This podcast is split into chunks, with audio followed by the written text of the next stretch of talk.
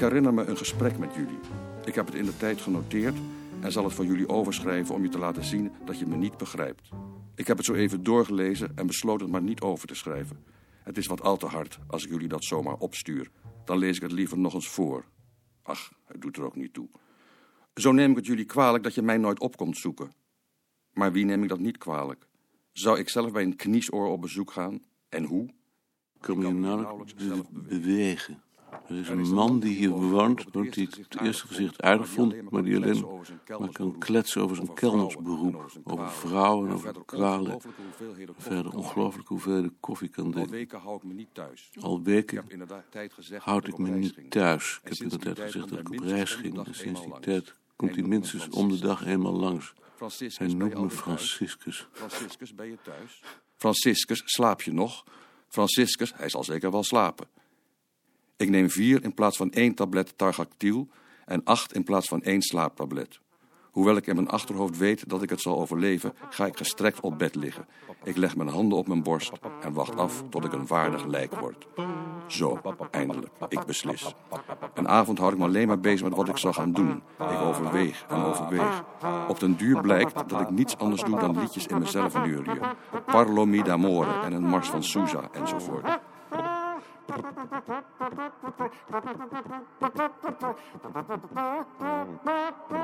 En allemaal maar weer die mars. Ik draai me om en ga landschappen zien.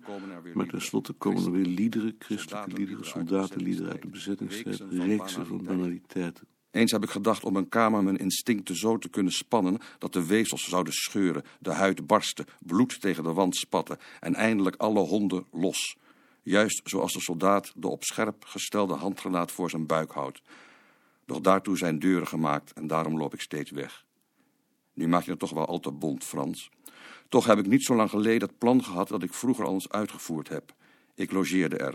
Mijn kamertje was op de vliering. Eindelijk heb ik de kast en de tafel op het luik gezet. Ik wil ze niet meer zien, ik ga hier nooit meer vandaan. Onder allerlei dreigementen heb ik er anderhalve dag zowat gezeten. Toen had ik zo'n honger dat ik eruit ben gekomen. Het is het principe van de zuilenheiligen. Doch die kregen voedsel toegestoken. Want wat wil ik? Ik kan het slot zo stellen dat het van buiten onmogelijk te openen is. Ik kan de deur nog dichtspijkeren en de kast ervoor. Ze moeten het slot stuk schieten, de ruiten inslaan. Maar dan is het nog onmogelijk om binnen te komen, want de kast staat er tegenaan getimmerd. Van de andere kant zal de ladder voor mijn raam gedraaid worden, maar ik gooi met flessen, stoel, tafel. Zodra er desondanks een voor het raam komt, zal ik dreigen met de pijlen die ik er heb en in opgewondenheid niet nalaten te schieten. De deur zal dan weer bewerkt worden en met bijlen zullen ze trachten een opening naar de kamer te kappen. Maar ik sta voor de opening met een gespannen boog. Er dringt toch één door, ik schiet. Hij valt met een kreet terug, een pijl in zijn buik. Er wordt een traangasbom naar binnen gegooid. Ik neem het ding met een blik op en gooi het uit het raam. Ik hoor kreten van mensen die beneden verzameld staan. Er wordt geschoten vanuit de gang op mijn benen. Snel zet ik het bed overeind en verschans me erachter. De boog staat weer gespannen. Niemand durft naar binnen. Opeens word ik van achteren bij de haar gegrepen. Het was een gelukt inmiddels via de ladder tot mijn raam te komen. Onmiddellijk neem ik de pijl en steek in het wilde weg achter me. Maar de pijl wordt uit mijn handen gedraaid. Nog steeds heeft hij me aan de haren vast. Terwijl ik me enigszins heb omgedraaid, sla ik hem met de boog op zijn gezicht. Hij bukt. Hij valt bijna, maar laat niet los. Als ik het gestommel in de kamer hoor, is het al te laat. Mijn handen worden vastgegrepen, mijn armen naar achteren gedraaid en ik ben verloren. Ik lig met gebonden handen en voeten. Ik schreeuw. Tussen de anderen staat naast me een ontzettend grote dokter van der Meer. Hij maakt mijn broek los en geeft me een spuitje in de dij. Eindelijk met geweld Eindelijk met overrompeld. geweld overrompeld. Ik heb een brief van Frans Veen gehad. Ik ook. Hij vraagt zich af of hij homoseksueel is. Schrijft hij dat jou ook? Nee. Ik geloof het tenminste niet. Weet je dat niet? Het was zo'n lange brief. Er is toch iets niet in orde met die jongen. Die jongen heeft iets. Ik heb wel eens gehoord dat homoseksuelen een moedercomplex hebben. Heb jij daar wel eens van gehoord? Ja. Karel heeft een hekel aan mannen met een moedercomplex. Mannen met een moedercomplex vindt hij verschrikkelijk. Daarom heeft hij een hekel aan zijn zwager. Zijn zwager heeft een moedercomplex. Die gaat telkens naar zijn moeder, die woont drie huizen verder. En hij zegt dat zijn moeder veel beter kookt, terwijl Karels zusje toch werkelijk heel goed kookt. Maar het is toch een gelukkig huwelijk. Oh, Ik heb bijvoorbeeld weer een schoenencomplex. Het eerste wat ik ochtends doe, is mijn schoenen aantrekken. Het laatste, 's avonds, is mijn schoenen uit. Pantoffels is niks voor mij. Ik heb wel een voetenzak gehad van mijn moeder, maar daar kwam de mot in. Die heeft de werkster toen maar weggegooid. ja. Zulke dingen gebeuren. Goedemorgen, heren. Dag, Dag, de Bruin. Moet u nou eens kijken, meneer Beerta, wat er bij de post is. Nou krijgen we toch altijd twee kalenders van Drukkerij Holland. Eén voor u en één voor mevrouw Haan. Ja, En nou heeft Slofstra er ook één voor zichzelf gevraagd. Kijkt u maar. Aan de heer D. Slofstra. Dat kent toch niet? Dan kan die toch beter in mijn kamertje hangen? Je kent toch niet zomaar iets voor jezelf gaan vragen? heeft Slofstra die kalender al gezien? Nee, meneer Beerta. Ik krijg ze net van de post. Dan kun jij er een houden, maar dan moet je dat niet tegen Slofstra zeggen, want dan geeft dat weer gedonder. Ja, meneer Beerta. Dank u wel. Slofstra gaat wel eens wat te ver. Dat zou hij niet moeten doen, want de Bruin kan daar niet tegen. Gisteren was ik op een vergadering van het Kerkhistorisch Genootschap. Je weet dat ik daar lid van ben? Nee? Ik ben lid van het Kerkhistorisch Genootschap. En daar sprak een professor over het wonder van Nicea. Weet je wat dat is? Nee. Je kennis van de kerkgeschiedenis is niet indrukwekkend. Enfin, toen ik zo oud was als jij, had ik het misschien ook niet geweten.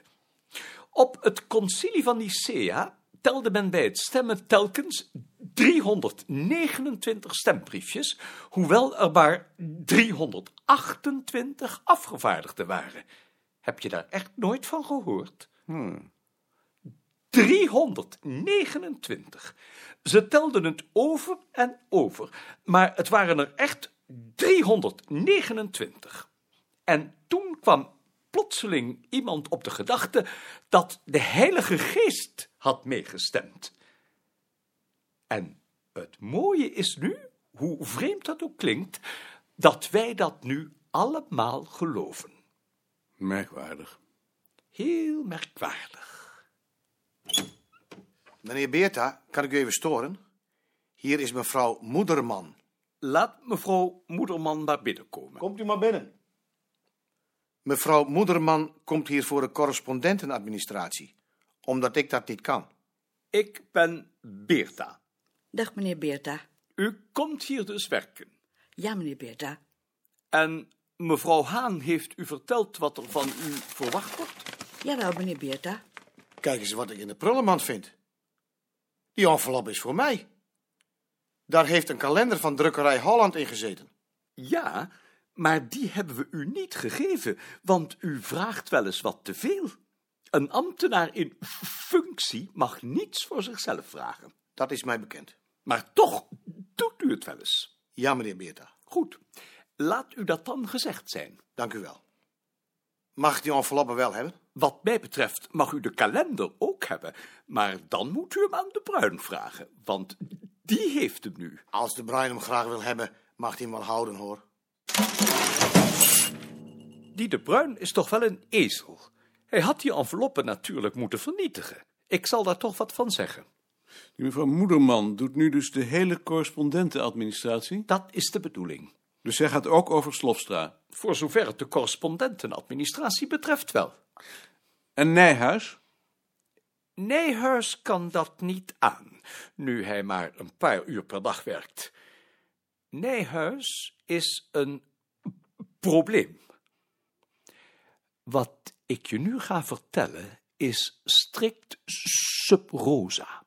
Maar Van der Haar is van plan om Nijhuis te laten afkeuren.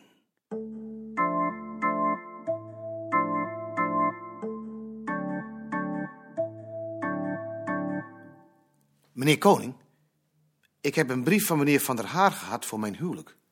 Wilt u hem lezen? Natuurlijk wil ik hem lezen. Mede namens het personeel van het hoofdbureau heb ik de eer u geluk te wensen met uw voorgenomen huwelijk met mevrouw G. Straat. Dat zal worden ingezegend op donderdag 11 januari te 1530 in de gereformeerde kerk te Zaandam en N. van der Haar, directeur. Een hartelijke brief. Gaat wel. Hij heeft hem laten tikken door juffrouw Voshart. Kijkt u maar. Die V is van Voshart. Ik zie het, ja. Ik heb ook een brief van Van der Haar gehad. Hierbij stel ik u ervan in kennis dat wij voornemens zijn u in verband met uw gezondheidstoestand te laten herkeuren door de Rijksgeneeskundige Dienst. Eventueel bezwaarschriften gelief u binnen een week bij mij te doen inleveren volgens de daarvoor bestaande procedure en N van der Haar, directeur. En nu? U spreekt met Slofstra. Spreek ik met kantoorboekhandel Dijkstra? Ik accepteer het natuurlijk niet. Nou ben ik de kostgonder van mevrouw Groen. Ik heb drie jaar bij haar in huis gewoond. Maar in verband met mijn huwelijk ga ik per 1 februari bij haar weg. Je wilt niet afgekeurd worden. Ik wil blijven werken. Nu, nu heeft die vrouw een raamadvertentie bij u gehangen. Daar is iemand op gekomen. En nu verzocht ze mij u te vragen de raamadvertentie weg te halen, omdat de mensen anders voor niks komen. Wilt u daarvoor zorgen? Daar klopt ook niets van. Dankjewel, Dijkstra. Volgens het ambtenarenreglement mogen ze me pas na anderhalf jaar laten keuren. En volgens de pensioenwet zijn ze daartoe pas na drie jaar verplicht. Maar alleen als je die drie jaar niet op je werk bent verschenen. Wie zou erachter zitten? Van der Haar. Wat heeft hij er voor belang bij? Als de boekhouding niet in orde is, draait hij ervoor op. En die is niet in orde. Ik heb een achterstand natuurlijk. Dat is het klad. Aan het bestuur van het hoofdbureau. Ik wijs erop dat er in het ambtenarenreglement sprake is van een termijn van anderhalf jaar, terwijl ik pas een jaar en drie maanden ziek ben en inmiddels mijn werkzaamheden gedeeltelijk hervat heb. Spreek er mijn teleurstelling over uit dat het besluit om mij te laten herkeuren genomen is door een directeur die zelf zo vaak ziek is. En die dus moet begrijpen wat een dergelijke maatregel voor iemand betekent. Dat was getekend tegen naar huis. Heel goed.